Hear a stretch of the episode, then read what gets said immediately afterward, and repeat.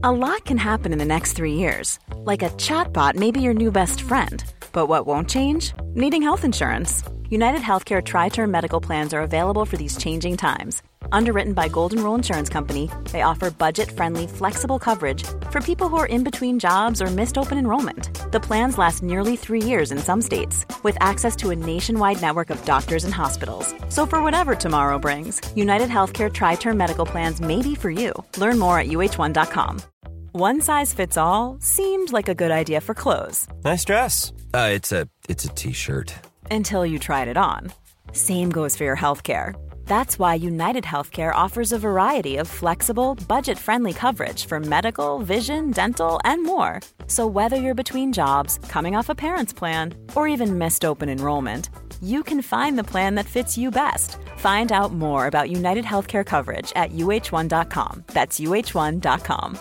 Quality sleep is essential. That's why the Sleep Number Smart Bed is designed for your ever evolving sleep needs. Need a bed that's firmer or softer on either side? Helps you sleep at a comfortable temperature? Sleep Number Smart Beds let you individualize your comfort so you sleep better together. JD Power ranks Sleep Number number 1 in customer satisfaction with mattresses purchased in-store. And now, save 50% on the Sleep Number limited edition Smart Bed for a limited time. For JD Power 2023 award information, visit jdpower.com/awards. Only at a Sleep Number store or sleepnumber.com.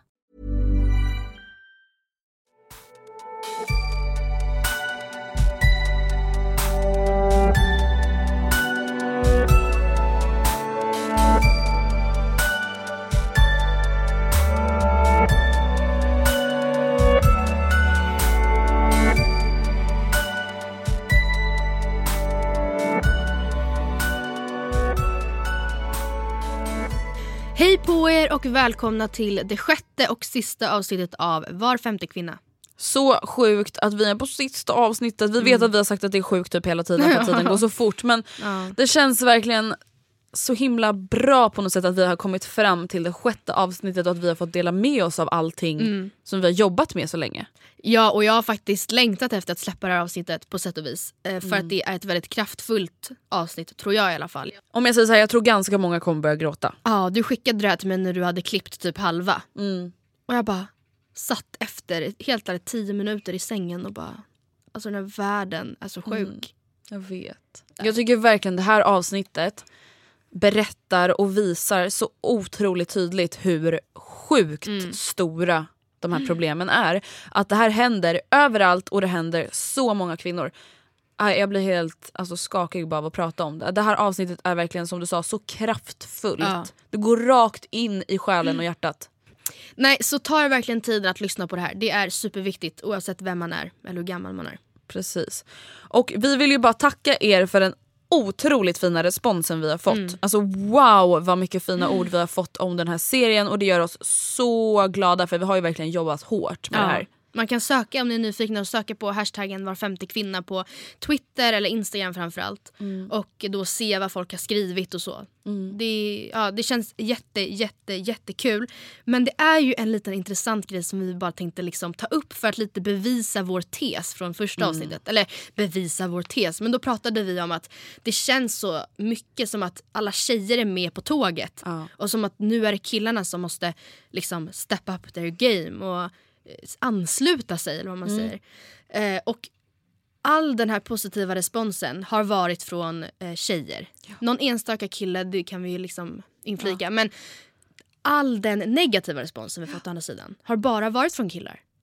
Och killar som då typ inte Eller riktigt kommer med negativ respons utan då killar som tycker att vi ska så här, typ halvstraffknullas eller typ inte öppna våran käft igen.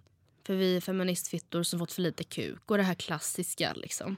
Man bara, alltså, du fattar att du typ är en klyscha av dig själv. Och det blir så, på något sätt så tråkigt då för det bevisar ju verkligen att, eller bevisar verkligen men det, för oss bevisade det att så här, okay, det, det är verkligen som vi säger att tjejerna fattar. Eh, och det handlar inte bara om att ge oss beröm för serien men att man liksom har förstått vilket problem det här är och hur många det drabbar. Medan de killar som väljer att kommentera i nio av tio fall väljer att ja, men antingen vara taskiga eller flytta problemet till något helt annat. En kille som har varit väldigt frekvent på både min instagram och vår instagram som Ja. nu är blockad och väldigt arg över det. Han eh, skrev en lång kommentar på min instagram-profil och så här menade på att ja, ja, ja, oj vad synd det är om kvinnor. Jag kollar på en bild på en krigsveteran och sen kollar jag på en bild på Katarina Wenstam. Vem ser mest förstörd ut? Vem ser mest ledsen ut? Jo, inte hon. Och vet ni, de som begår flest självmord, det är män. Vad beror det på? Män som aldrig blivit våldtagna och har, som har det så himla bra enligt såna som Andrea. Och då blir jag bara så här, men alltså återigen, vad är ert problem? Vi har aldrig sagt att vi inte tycker synd om män som begår självmord och lider av psykisk ohälsa. Den här poddserien har handlat om kvinnor blir utsatta för sexuella övergrepp. Var femte kvinna vågar inte gå utanför dörren på kvällen för att de är rädda. Precis, det är det vi har pratat om i det här. Att mäns självmordsstatistik är en helt annan fråga som inte har någonting med det här konkreta problemet att göra. Så det är som du säger, för, alltså förflytta skulden på något Ja. sätt. Eller ta bort skulden. Och liksom, ja, vem vet vad anledningen till mäns självmordsstatistik är. Men anledningen till de här brotten i Sverige Ja. är män. Ja. Och Alltså, det är så här, det är så. Det finns inget laddat eller kontroversiellt i att säga så för det är ju så ja, men det, det är ut. fakta. Ja, så det säger inte vi för att vara feministfittor och jag är så gärna det. Alltså ja, jag, snälla jag kalla så- mig feministfitta, Ja. jag är fan stolt jävla Ja, jag är feministfitta. stolt feministfitta. Nej men helt ärligt talat. Ja, Alltså, vi ville bara säga det, att det, det har liksom blivit väldigt tydligt. Vi har lärt oss väldigt, väldigt mycket under den här tiden. Men någonting som vi också har sett är verkligen att ja, Vill du veta någonting som jag har tänkt mycket på under den här serien? mm. Det är att i början när vi fick de här mejlen Mm. så blev jag så här. Alltså jag vet egentligen inte varför jag kände det här men jag bara blev så chockad typ. För jag bara, men gud, alltså när jag såg så här folks bilder på deras gmail typ. Jag bara det här är helt vanliga tjejer. Mm. Det här är helt Verkligen. vanliga tjejer. Det, här, alltså det hade kunnat vara du, det hade kunnat vara jag, det hade kunnat vara min syrra. Och det slogs jag av i början. Och sen slogs jag av att det här är helt vanliga killar ja, ja. som gör det här. Och det var nästan ännu mer obehagligt. För att just som vi har pratat mycket om återkommande i den här serien, att man så målar upp en våldtäktsman som ett monster. ja. Någon som är galen, som inte har någon sympati och empati, som är ute och springer på nätterna och typ så halvt kannibal samtidigt. Alltså förstår att man målar verkligen upp den här människan som ett monster. Det som har gjort mig nästan ännu mer rädd och känner mig ännu mer obehag, det är just att för var femte vanliga kvinna som blir utsatt finns det typ var femte vanlig man som gör det här. Precis. Alltså det är det som är så himla sjukt. Det är verkligen sant. För var femte kvinna som blir sexuellt trakasserad på jobbet Mm. finns det typ var femte man som sexuellt trakasserar någon på jobbet. Mm. Alltså det är så här, Och det är ju helt vanliga människor. Liksom. ja, och hur kan man inte ta är det ju- här ja. på större allvar? Nej, jag fattar inte. Alltså du vet så här, idag på väg till den här inspelningen står jag och väntar på bussen. Ett gäng på typ 10 killar som kanske är så här 16, 17, 18 år går förbi mig. När de har gått förbi mig, typ 7 meter, för det första så kollar de på mig från topp till tå som att jag typ vore en köttbit. Som de typ ville knulla samtidigt och äta upp som att det vore den sista matbiten på jorden. Om du smsar mig och bara de tittar på mig som att jag vore en sista droppe vatten liksom, Mm. i världen. Ja, och när de har gått förbi mig och bussen kommer vet, då står de och så blinkar, slickar sig kring läpparna, typ slår varandra på ryggen, kollar på mig och en börjar göra så här, stoppa fingret i hålet tecken. Mm. Och då vet jag bara blir så här, Som att du då ska bara känna så här: wow vilken härlig komplimang jag fick idag när jag skulle till stan. ja men alltså du vet jag bara blir så jävla ledsen. Det här är vanliga killar som är på väg från typ så här, gymnasiet för att gå och käka. Mm. Och de behandlar mig som att jag är verkligen ett jävla objekt. Och jag är så fruktansvärt trött på det. Och jag är så fruktansvärt trött på att då det inte finns killar i den här gruppen som säger hörni vad fan håller ni på med? Mm. Nej jag vet. Har hon visat något intresse av att hon vill att ni ska kolla på henne på det där sättet? Va? Varför är det inte fler som tar ansvar? Nej, men just det här du säger att jag är så trött på den här objektifieringen. Ja, vi pratade om det idag när vi åt lunch. Att liksom, de kan kalla oss manshatare och feminazis och feministfittor fittor och vi, liksom, vi hatar män, manshatet är det farligaste i världen.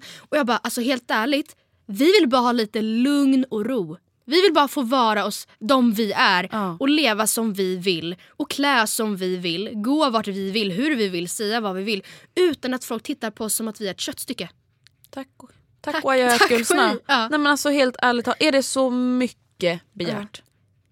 Alltså vet du vad jag också pratade med Anton om häromdagen? Nej. Också så här grej som jag börjar tänka på ännu mer nu efter vi har startat poddserien. Det är att killar på krogen. Mm. Det, här, alltså det här tycker jag är ett så jävla klockrent exempel som bevisar alltså, väldigt många mäns syn på kvinnor Mm. generellt. Det kommer fram en kille när man står vid baren och ska beställa. Tjena, tjena, får jag bjuda på en drink eller? ah, nej tack, det är lugnt.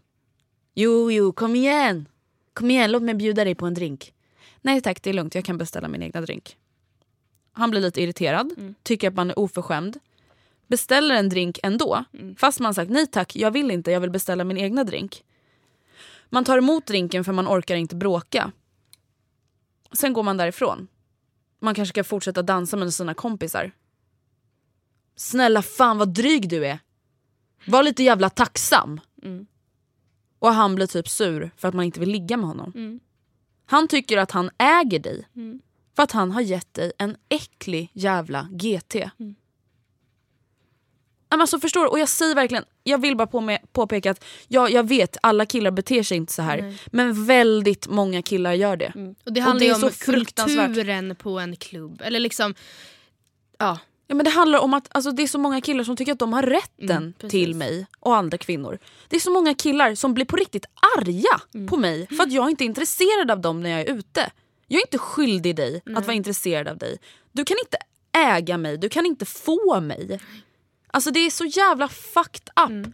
Alltså Matilda, om någon skulle dissa dig på krogen, skulle du bli arg på honom då? Nej, och det handlar ju om att de på något sätt tänker eller antar eller har en uppfattning om att man är där för deras skull. Mm. Eller som att när du blir visslad på när du väntar på bussen, att du ska liksom, Var tacksam. ja för att du går ju klädd så för deras skull. Eller va? Jag fattar fan inte. Så, ja men jag fattar inte. Nej, jag, nu Jag har fattar drag... inte hur man kan bli Nej. arg på någon. Alltså det är en sån där typisk grej som kanske händer, som händer säkert så många kvinnor. Alltså just när man är ute och festar. Att så här, Man bara, hur kan du bli arg på mig? Nej. Och sen så vill jag även bara också flika in just det här med att kommentarer som att ja, men hur skulle han annars tolka det då? Om du gick och med så kort kjol. Eller Men är han dum? Ja, nej, men alltså att man liksom på något sätt förutsätter att de inte vet bättre heller. Ja. Men hur skulle han annars tro då? Du, du, du var ju väldigt full. Hur skulle han annars tolka det som att, som att du också skulle ta den tunnelbanan och vara så full? Alltså det är faktiskt hemskt hur man ser Ja, men på, ju- på män. Ja, det är taskigt mot killarna också. För att vem vill, vem vill framstå som en, jag, ju jag vet inte om jag sa det här exemplet i podden, men helt ärligt som en levande snopp som hoppar omkring. Och som tänk, alltså som, som, som bara vill minst- hitta ett hål. Ja! Allt tolkar den på ett sexuellt sätt. Det är ju inte så som läget ser ut. Jag vet ju det. Jag vet ju att inte alla killar tänker så. Så hur kommer det sig, återigen, att inte alla de här bra killarna som inte objektifierar tjejer on a daily basis tar lite fucking ansvar. Ja. Alltså just det här, så här alltså jag tycker det är så hemskt. Alltså, Förlåt att jag svär men jag blir faktiskt väldigt upprörd. Ja, same. Innan vi nu rullar själva avsnittet som kommer alltså vara ett ihopklipp av mejlen så vill vi verkligen bara tacka till alla som har lyssnat. Mm. Till alla som har eh, engagerat sig, alla som har spritt hashtaggen och alla som kommer fortsätta att engagera sig efter det här.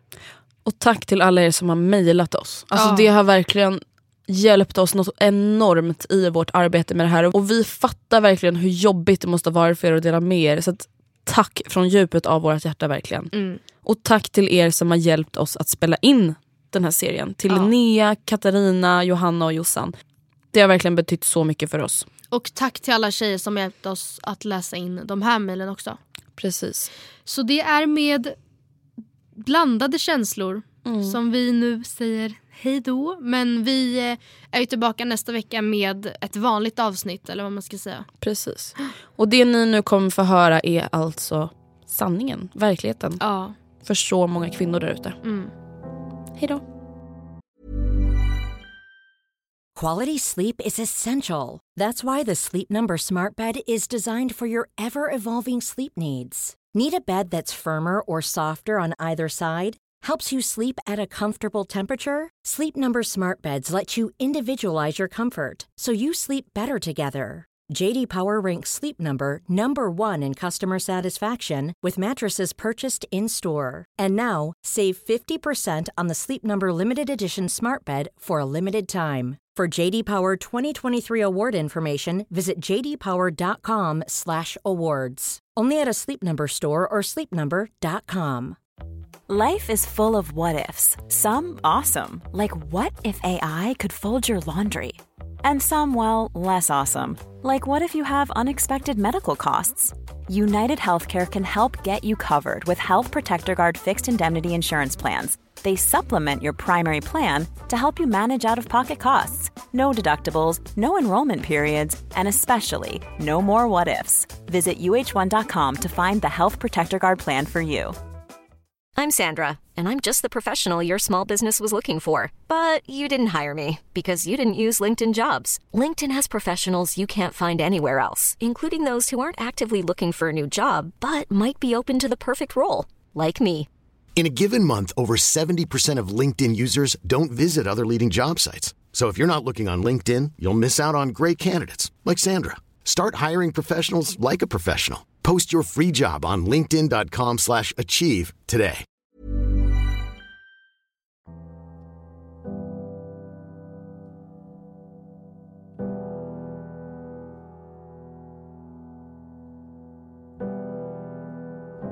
Jag började jobba 2014 i en liten privatägd klädbutik i Stockholm.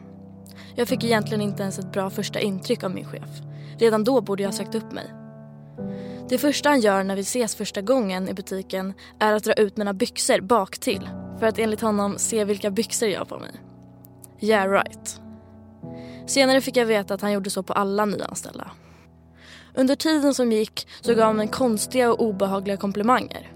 Han kunde ringa till butiken för att låta mig veta att han såg min fina rumpa i kameran. Han kommenterade min kropp och mitt utseende på ett obehagligt och opassande sätt. Och det kanske jag glömt att säga. Han var 60 plus. Ju längre tiden gick, desto mer bekväm blev han med att slänga ur sig saker. Han kallade mig sexig i butiken framför kunder.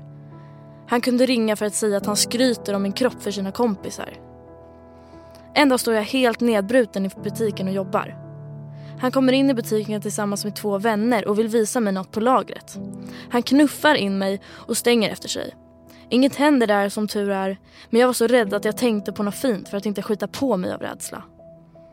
Jag ber honom släppa ut mig och det gör han. När jag vänder mig om för att gå därifrån så kommenterar han min rumpa. Men den här gången kunde jag inte skita i det. Så jag grät. Grät och grät framför honom. Framför kunder, framför hans vänner. Där och då skrek jag att ingen har rätt att kommentera min kropp. Och att han var äcklig. Efter den dagen sjukskrev jag mig. Och sen sa jag upp mig, vilket jag borde ha gjort första dagen. Jag polisanmälde honom för sexuella trakasserier. Men polisen tyckte det var sexuellt ofredande också. Är förvånad när jag säger att ärendet i slutändan lades ner. Och jag hade ändå vittnen, flera stycken.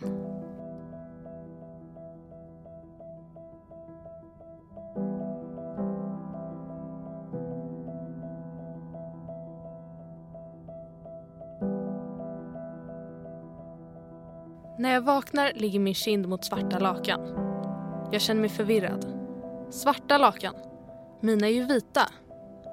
Jag känner mig yr. Borta liksom. Jag drabbas av panik.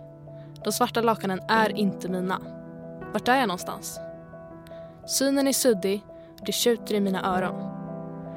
Jag ser någon sitta på sängkanten men jag har ingen aning om vem han är.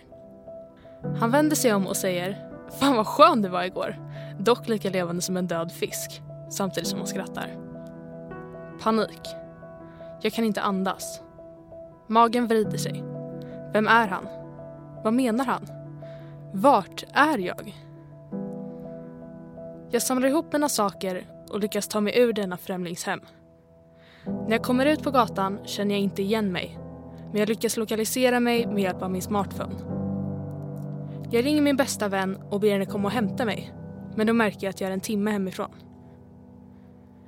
Det är mars och minusgrader. Jag har klänningen från igår kväll och mina svarta klackskor. Jag lyckades inte hitta min jacka i hans hall. Jag känner en enorm smärta från mitt underliv och jag har blåmärken på mina lår och blod i mina trosor som inte var mens. Panik. Jag kan inte andas. Ögonen bränner. Vad har hänt? Hur har jag hamnat här? Det sista jag minns är att jag dansade med mina vänner på en av stans klubbar. Vi hade kul. Vi skrattade och skreksjöng till den senaste hitlåten. Men vad hände sen? Varför skildes vi åt? Jag drack ett glas vin och en cider.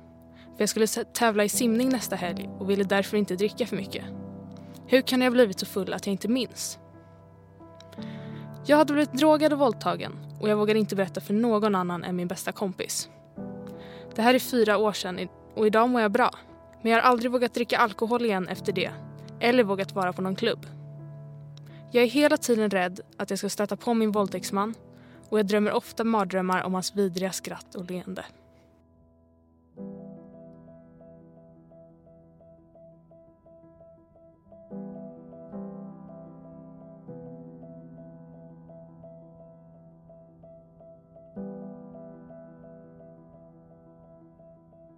Har själv inte varit med om vad som kanske definieras som många av en våldtäkt. Men däremot har jag under mina 21 år inte varit ute och festat en enda gång utan att unga och äldre män har tagit sig friheten att tafsa på mig eller försökt locka på mig som om jag vore en hund. Redan när jag var 13 och gick på ett disco som tillhörde en fotbollscup jag var med i tog de äldre killarna tag hårt mellan benen på mig samtidigt som de försökte greppa tag i mina nästan obefintliga bröst eftersom jag fortfarande hade kropp som ett barn. Under tiden stod de yngre killarna bredvid och tittade på som att det var något att lära sig. Blev obekväm och åkte hem direkt. Jag vågade inte säga ifrån när detta hände förut. Men nu är jag så less på alla män som tar sig friheten till detta.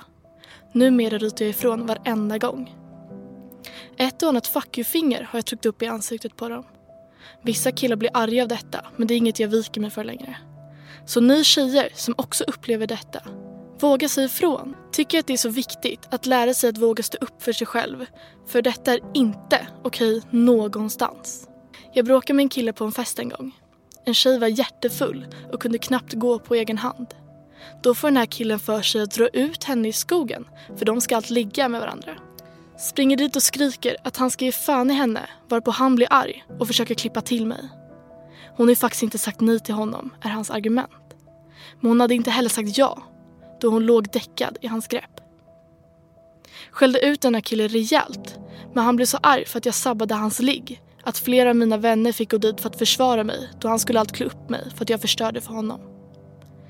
Sedan kom tjejens kompis fram och jag förklarade vad som hade hänt att det kanske är dags för henne att dra sig hemåt. Varpå hennes vän svarar Äsch, hon har nästan blivit våldtagen förut och hon klarar väl sig själv denna gången med. Helt jävla ärligt talat. Vill du bidra till att detta ska anses som okej eller? Tycker att det är så bra att ni tar upp detta ämne. För alla måste lära sig att det är inte okej att varken röra eller ens kommentera någon annans kropp mot ens persons vilja. Även om det handlar om en händelse som bara varar en sekund men som man ändå tycker är obehaglig måste man våga säga ifrån. Ingen händelse är för liten eller obetydlig.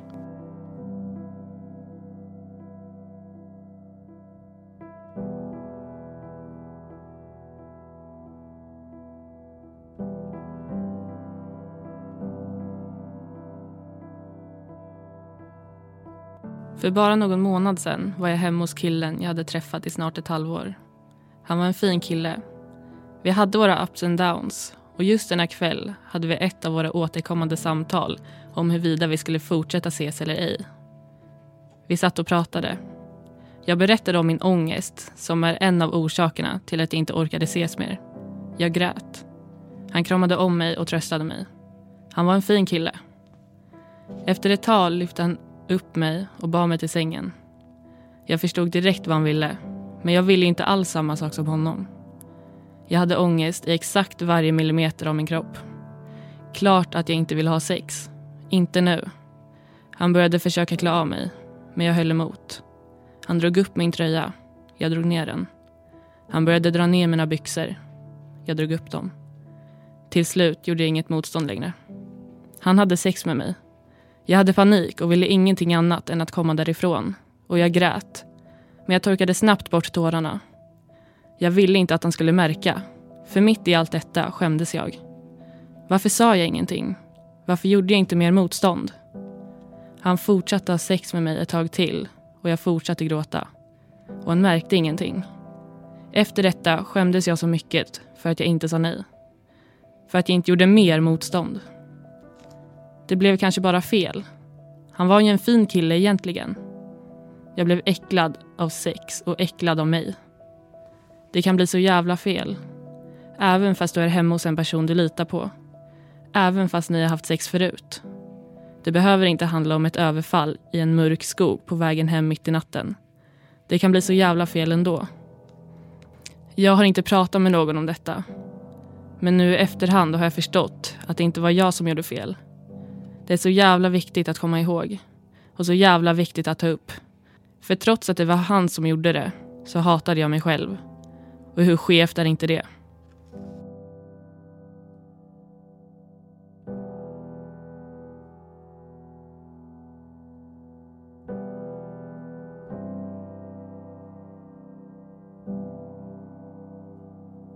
Det var för tre år sedan när jag gick i tvåan på gymnasiet och vi hade hand om nollningen för våra ettor. Vi var i en park och jag skulle bara gå därifrån ett litet tag för att möta upp min vän som hade min väska med kläder och smink. På vägen tillbaka till parken pratade jag med en kompis i telefon och valde att sätta mig på en parkbänk lite längre bort från alla på festen. När jag väl sitter där så kommer det fram en man som inte talar svenska och försöker göra sig förstådd. Han vill ha en cigarett av mig. Han sätter sig bredvid mig. Jag ger honom en cigg och fortsätter prata i telefonen. Mannen som precis satt sig börjar prata om att han precis flyttat hit och visar upp en pin på hans jacka han börjar ta på mina bara ben och försöker kyssa mig samtidigt som han håller fast mig. Han frågar om vi kan gå djupare in i skogen. Jag tackar nej, men han tar inte mitt svar seriöst och kör in fingrarna i min vagina. Det händer mycket mer än så, men för att skynda på berättelsen så knuffar jag bort honom och springer till mina vänner. Vi går till polisen. De gör en anmälan och skjutsar hem mig. Jag fick gå på förhör och göra ett DNA-test. En vecka senare är jag med en tjejkompis på ett fik när en man kommer och sätter sig bredvid oss för att prata. Vi ignorerar honom, men han fortsätter försöka få vår uppmärksamhet. Han började visa upp en pin han har på sin jacka med en Sverigeflagga på. Det var då jag förstod vem det var som satt bredvid oss. Det sjukaste var att han inte kände igen mig. Vi springer därifrån och ringer polisen som genast kör ner till stan och letar efter honom. Inne på en blomsterbutik griper de honom med mig i telefon. Jag står lite längre bort bakom ett hörn och gömmer mig. Hur som helst blev det rättegång av det hela och han blev dömd för sexuellt ofredande och våldtäkt. Nu sitter han inlåst i sitt hemland. Helt otroligt att jag faktiskt stötte på honom på stan och att han nu sitter inburad och får psykisk vård. Det sjukaste är att han blev dömd för flera andra liknande brott samtidigt. Bland annat mot barn under tio år. Jag är så jävla äcklad men ändå väldigt glad att han är inlåst.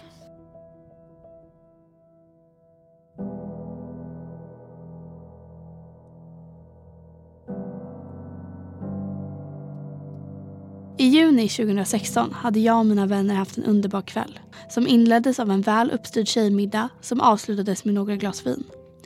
Jag hade planer dagen efter. Vad vet jag inte, men jag beslutade att gå hem hyfsat tidigt, runt 22. När jag åker hem måste jag alltid gå via en förort i Göteborg där man helst inte ska vara en helgkväll som ensam tjej, vilket egentligen är förfärligt. Det finns en kille i förorten, 23 år, som beskrivs som den ledande. Vi snackar alltså om makt i den undre världen. Knäpper han på fingrarna så får han exakt vad han vill. Jag har blivit varnad av några som bor i närheten att vad du än gör, kolla honom aldrig i ögonen. Den kvällen möttes våra blickar och jag försökte fort kolla bort. Han ropade på mig. Hur visste han vad jag hette? Hur visste han vem jag var? Värt att nämna är att jag är 15 år och inte skulle ha en fysisk chans att göra någon slags försvar mot gärningsmannen. Jag började springa. Jag hade koll på området så jag sprang mot ett stort parkeringsgarage jag kunde gömma mig i. Och han började snabbt att öka tempot. Det var folktomt. Varför just den kvällen? Jag tappade talförmågan helt. En röst inom mig sa att det var kört. Han våldtog mig, stående i det kalla gråa garaget. Han har förstört mig. Aldrig har jag känt sån skam över mig. Jag tänker på det varje dag, varje morgon och varje kväll. Hans sista ord var Anmäler du så kommer du ångra dig. Din familj kommer ångra dig och du kan säga hej då till dina små vänner.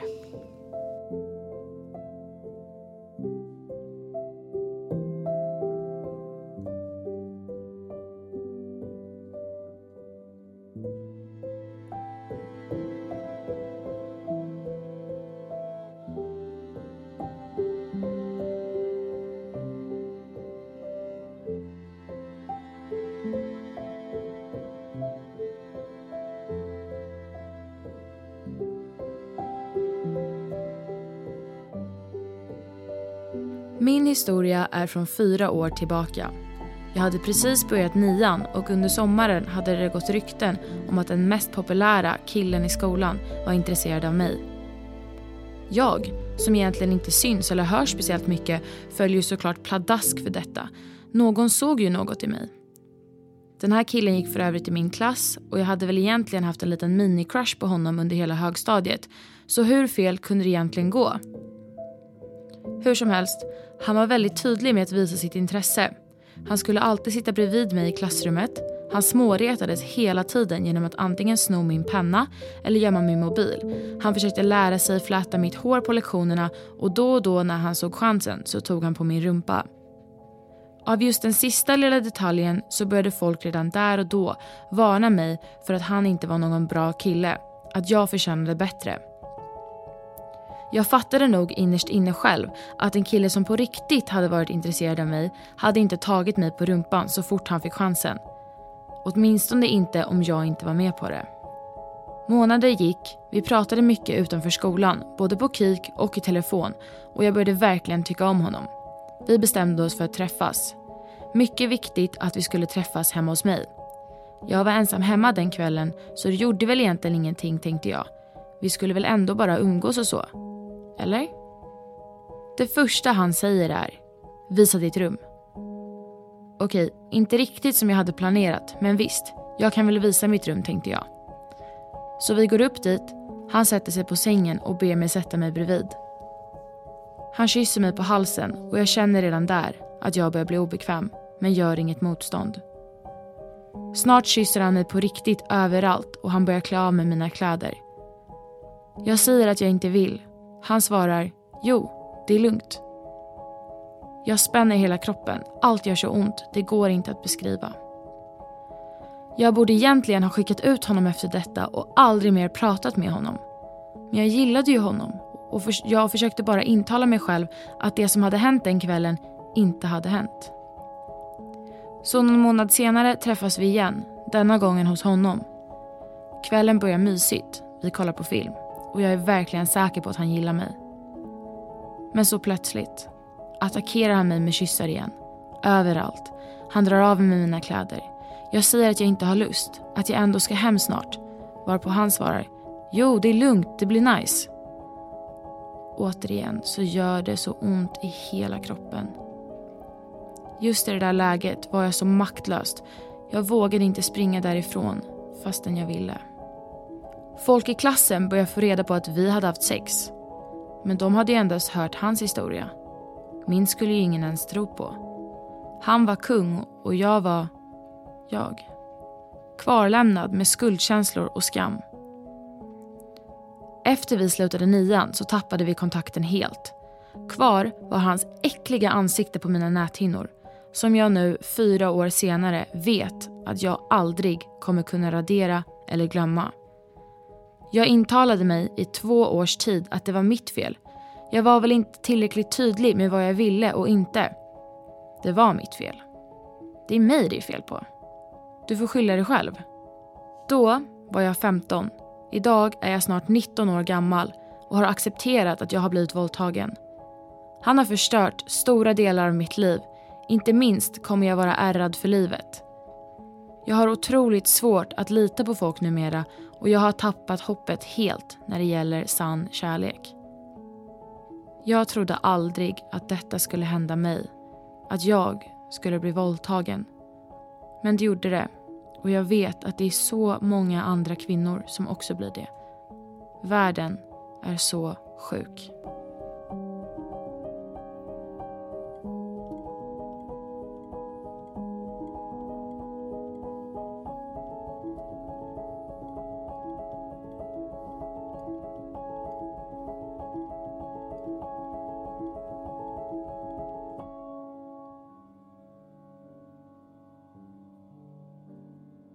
Jag går i trean på gymnasiet nu.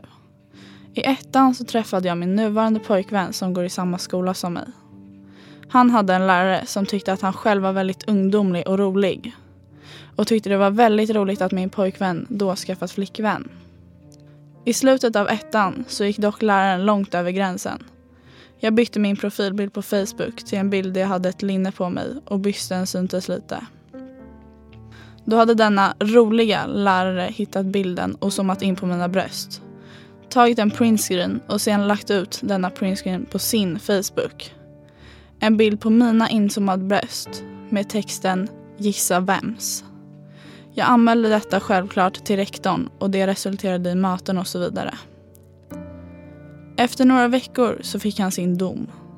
Två veckors betald avstängning Alltså två veckors ledighet som han fick betalt för.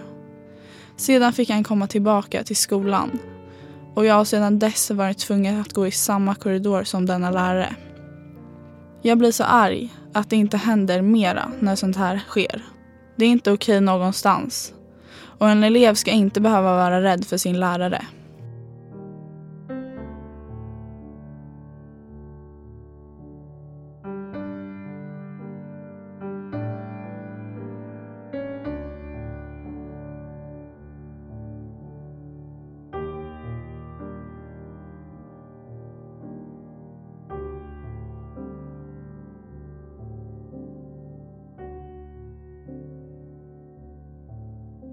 Jag var 14 år gammal och var på väg hem från en kompis klockan 21.00 på kvällen.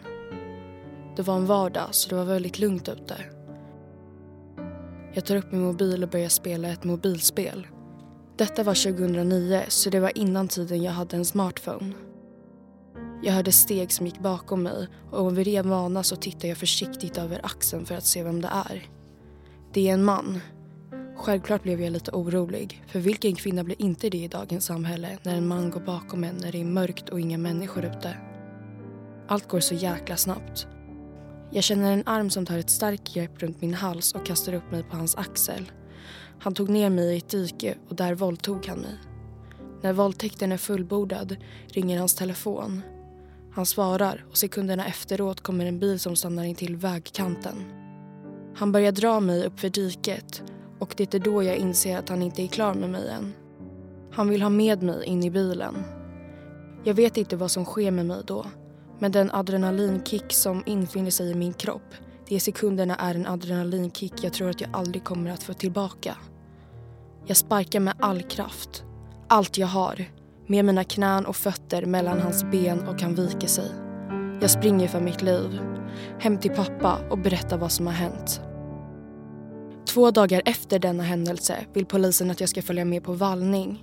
Vallning betyder att offret, alltså jag, går med polisen till platsen där det hände och förklarar exakt, steg för steg, vad det som har hänt. I det skick som jag befann mig då klarade jag inte av att gå tillbaka till platsen. Pappa berättade det för polisen. Att jag inte orkade just då, men att vi kanske kunde försöka om några dagar. Och endast någon vecka senare lägger polisen ner fallet. Det har gärningsmannens sperma som de fick tag på i mig på gynbesöket direkt efter våldtäkten. De har sett tydliga avtryck i gräset i diket, att någon, några har legat där. Och det är endast fallet ett par veckor. Det gör så jävla jävla ont i mig. Att veta att han går där ute någonstans. Han kanske ser mig dagligen. Eller varje vecka. Vem vet? Vi bor i en liten stad. Idag mår jag hyfsat bra. Jag har återhämtat mig mycket från händelsen. Inte helt. Det kommer jag nog aldrig göra. Men det som är jobbigast för mig är att han som gjort det fortfarande är på fri fot. Jag har blivit våldtagen. Det var första gången jag yttrat den meningen. Ni kanske tänker att det hände nyligen, men nej. Det hände för fyra år sedan. Jag har bara inte haft modet nog att erkänna det för någon. Knappt för mig själv. Under min uppväxt har sorgligt nog mina föräldrar, precis som många andras, påmint mig om att jag håller ihop med tjejkompisarna. Om att inte dricka för mycket, att ta vägen hem där det finns belysning och människor. Och det var den enda bilden jag hade av våldtäkt. Att bli överfallen på vägen hem från något en kväll. Jag blev aldrig överfallsvåldtagen. Jag blev våldtagen av någon jag kände. Någon jag litade på och tyckte om. Något jag inte trodde kunde ske. Det var sommaren 2013 och jag och mitt fotbollslag befann oss på Gothia Club. En av kvällarna mötte vi upp killarna från samma klubb som oss, fast två år över oss. En av killarna var min kompis storebror. Han visade tydligt intresse för mig under hela kvällen, men jag brydde mig inte speciellt mycket. När jag går in i ett omklädningsrum på skolgården vi var på för att kissa märker jag att någon följer efter. Jag tror självklart att det är någon av mina tjejkompisar. Men det är han, storebror. Han säger, du ska inte gå runt och leka så jävla ointresserad. Jag vet att du vill ha mig egentligen. Jag försöker skratta bort det men istället tryckte han upp mig mot den kalla, gula, äckliga väggen. Jag gjorde ingenting förutom att jag grät. Jag skäms så mycket för att jag inte gjorde någonting. Jag skrek inte, jag slog inte, jag sa inte nej tio gånger. Jag bara grät och blev som förlamad av rädsla i hans grepp. Tårarna stoppade dock inte honom för att våldta mig i det omklädningsrummet. Skammen och skulden har varit för stor och kvävande. Hur skulle jag kunna berätta för någon att jag blev våldtagen och inte gjorde något för att kämpa emot? Vem skulle tro mig då? Han gjorde high five med sina kompisar när han gick ut från omklädningsrummet. Han skrattade, jag grät.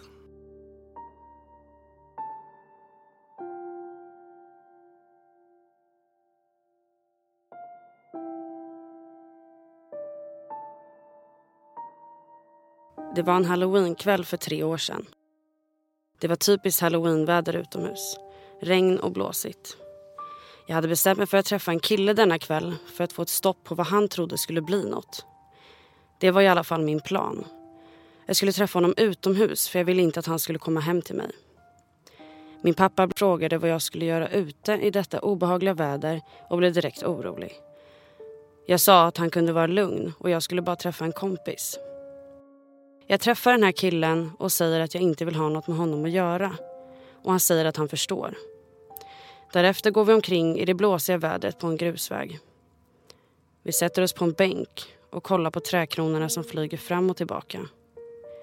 Han flyttar sig närmare mig och börjar ta på mina bröst. Jag blir så chockad att jag blir stum. Jag kan inte röra mig. Jag bara sitter där på en kall bänk och känner paniken i min kropp men jag kan inte röra mig. Jag kan inte säga något, kan inte skrika. Jag bara sitter där. Jag är som förlamad. Efter ett tag så sätter han sig på mig. Jag får panik. Men gör fortfarande ingenting. Precis när han sätter sig ovanpå mig så ringer hans mobil. Det är hans föräldrar som säger att han måste komma hem direkt. Tackar skyddsänglarna som kom där och då. Men tyvärr slutar inte min historia där. Efter händelsen tog jag modet att berätta för mina kompisar i kickgruppen som vi har. Jag berättar hela historien och om att jag är i chock. Då händer det mest hemska. Mina kompisar skrattar åt mig där i chatten. Frågar vad jag förväntade mig. Jag bestämmer mig den natten att lämna dessa kompisar. Att jag absolut inte vill ha någonting med dem att göra. Till alla er som har blivit sexuellt utnyttjade, våldtagna Lägg aldrig skulden på er. Det är han som gjorde fel. Det var han som tog på din kropp fast du inte ville.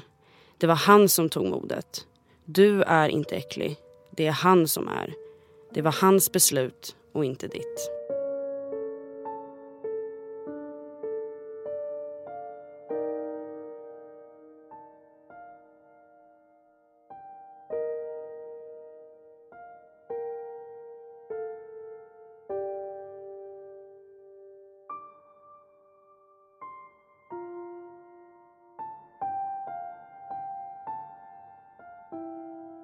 Du var min vän. Den där killkompisen som familjen önskar vore ens pojkvän. Du var en gentleman. Du var skärmig och genomsnäll. Så beskriver nog fortfarande de flesta i din omgivning dig. Men Daniel, även om jag en gång i tiden kunde hålla med så kan jag omöjligen göra det efter det du gjorde mot mig. Efter att du förstörde mig. Du frågade om jag vill följa med på en fest hos en av dina hockeykompisar.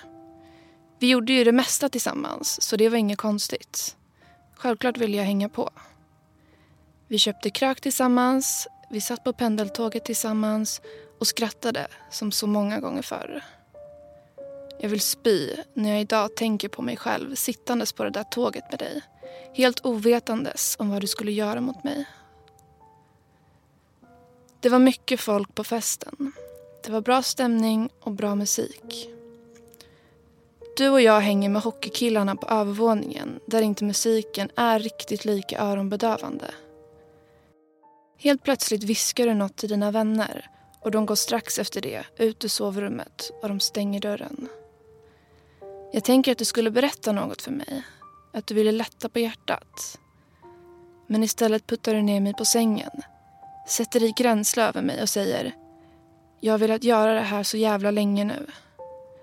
Du tar fram din äckliga snopp, håller för min mun och trycker ner min kropp med din egna kroppsvikt. Du hade velat våldta mig så länge. Du var min bästa vän och du hade velat våldta mig så länge. Jag grät. Jag sa snälla nej, sluta. Förstod du ändå inte? Det känns inte som det i och med att du agerade som att allt var vanligt efter det. Men ingenting var som vanligt efter det. Du förstörde mig den kvällen. Jag har inte kunnat haft sex efter den kvällen. Och det är tre år sedan. Jag har inte kunnat lita på en enda kille förutom min pappa efter den kvällen.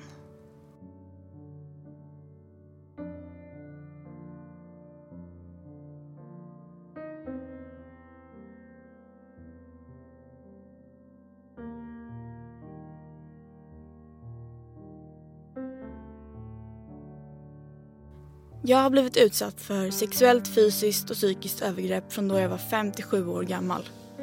Sen blev jag räddad. Mannen som utförde detta var inte min pappa. Han var tillsammans med min mamma och var alltså min styvpappa. Jag hade ingen aning om att när han klev in genom dörren skulle mitt liv förändras för alltid. Jag har blivit inlåst i garderober, slagen med bälte, tvingats att utföra sexuella övergrepp på mina styvsyskon som var hans barn. Mamma blev också ett offer. Vi har sett henne kastas ner för trappan, bli våldtagen och misshandlad. Han var sjuk. Varje dag när han kom hem från jobbet slog han på gayporr på datorn i vardagsrummet. Ingen såg på det. Han ville bara att det skulle vara i bakgrunden. Vi visste när han tänkte göra något dumt. För då började han nynna på en barnvisa. Förstår ni nivån? Vi sprang och vi gömde oss men han hittade oss alltid. När jag var sex så började min förskolelärare anmäla till socialen efter att hon hade sett min kropp på badhuset. Och ett år efter fick jag och min syster en akut placering i familjehem. Idag lever han med sin nya fru. Han lämnade mamma. Han har ett jobb och fått ett till barn som nu borde vara kring fem. Idag är jag 19 år. Jag lever med mardrömmar och går regelbundet i traumaterapi. Det är min historia. Jag är redo att berätta.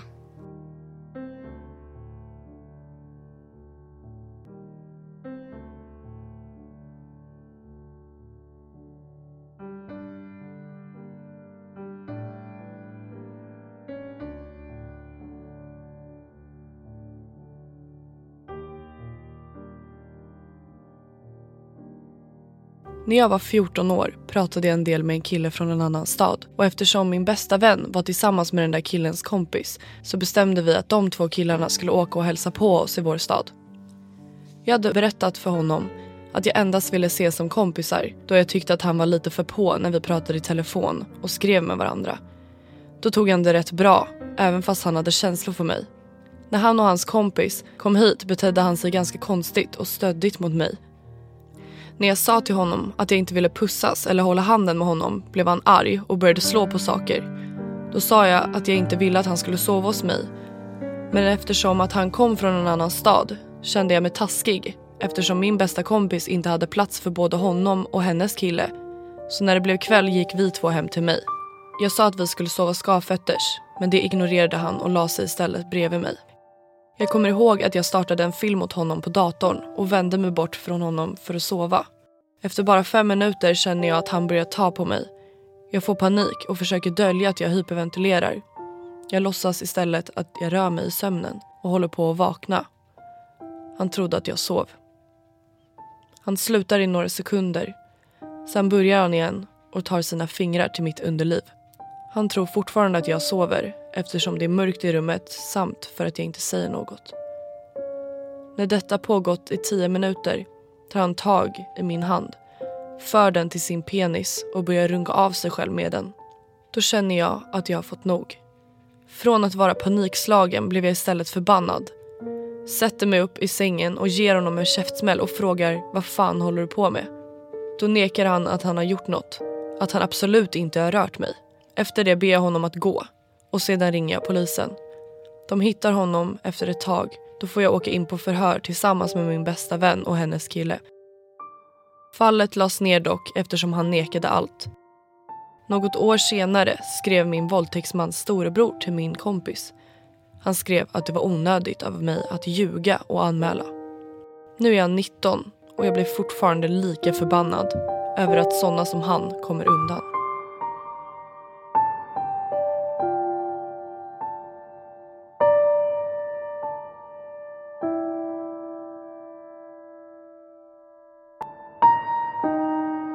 När jag var 15 år var jag på en mindre festival med mina vänner. Vi hade riktigt roligt, men ju längre in på kvällen det gick, ju mindre roligt blev det.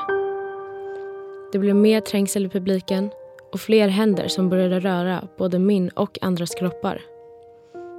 Jag vill skriva detta eftersom jag vet att sexuella trakasserier på festivaler idag är väldigt vanligt, vilket jag tycker är fruktansvärt. När jag står där i publiken en varm sommarnatt i augusti känner jag hur någon bakifrån försiktigt försöker smeka mina bröst. Jag knuffar bort dessa händer och försöker slingra mig därifrån. Men trycket är för hårt från publiken. Samma händer försöker hitta öppningen till mina byxor och försöker försiktigt trycka ner sin hand mellan mina ben.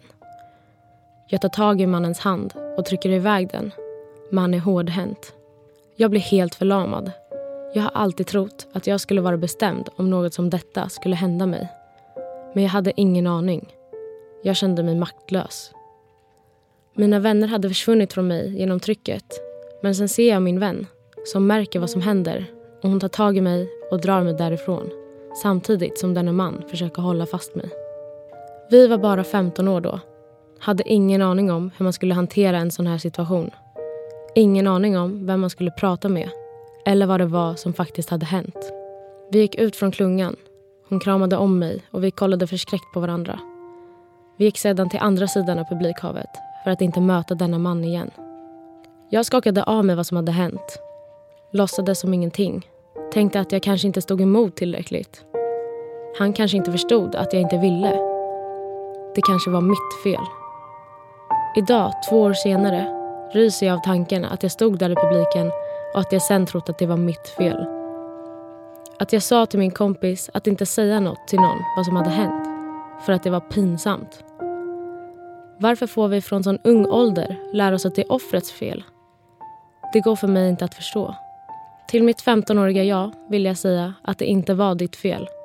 Och till alla andra offer där ute, det är inte ert fel och kommer aldrig att vara.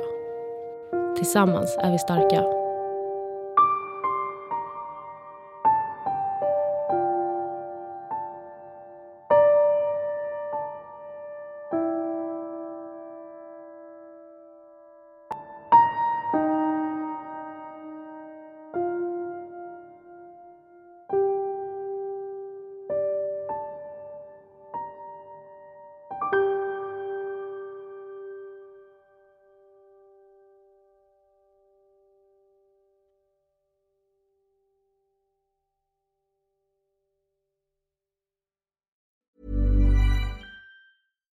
It's Paige DeSorbo from Giggly Squad. High quality fashion without the price tag. Say hello to Quince. I'm snagging high-end essentials like cozy cashmere sweaters, sleek leather jackets, fine jewelry, and so much more. With Quince being 50 to 80% less than similar brands. And they partner with factories that prioritize safe, ethical, and responsible manufacturing. I love that. Luxury quality within reach. Go to quince.com slash style to get free shipping and 365 day returns on your next order. Quince.com slash style.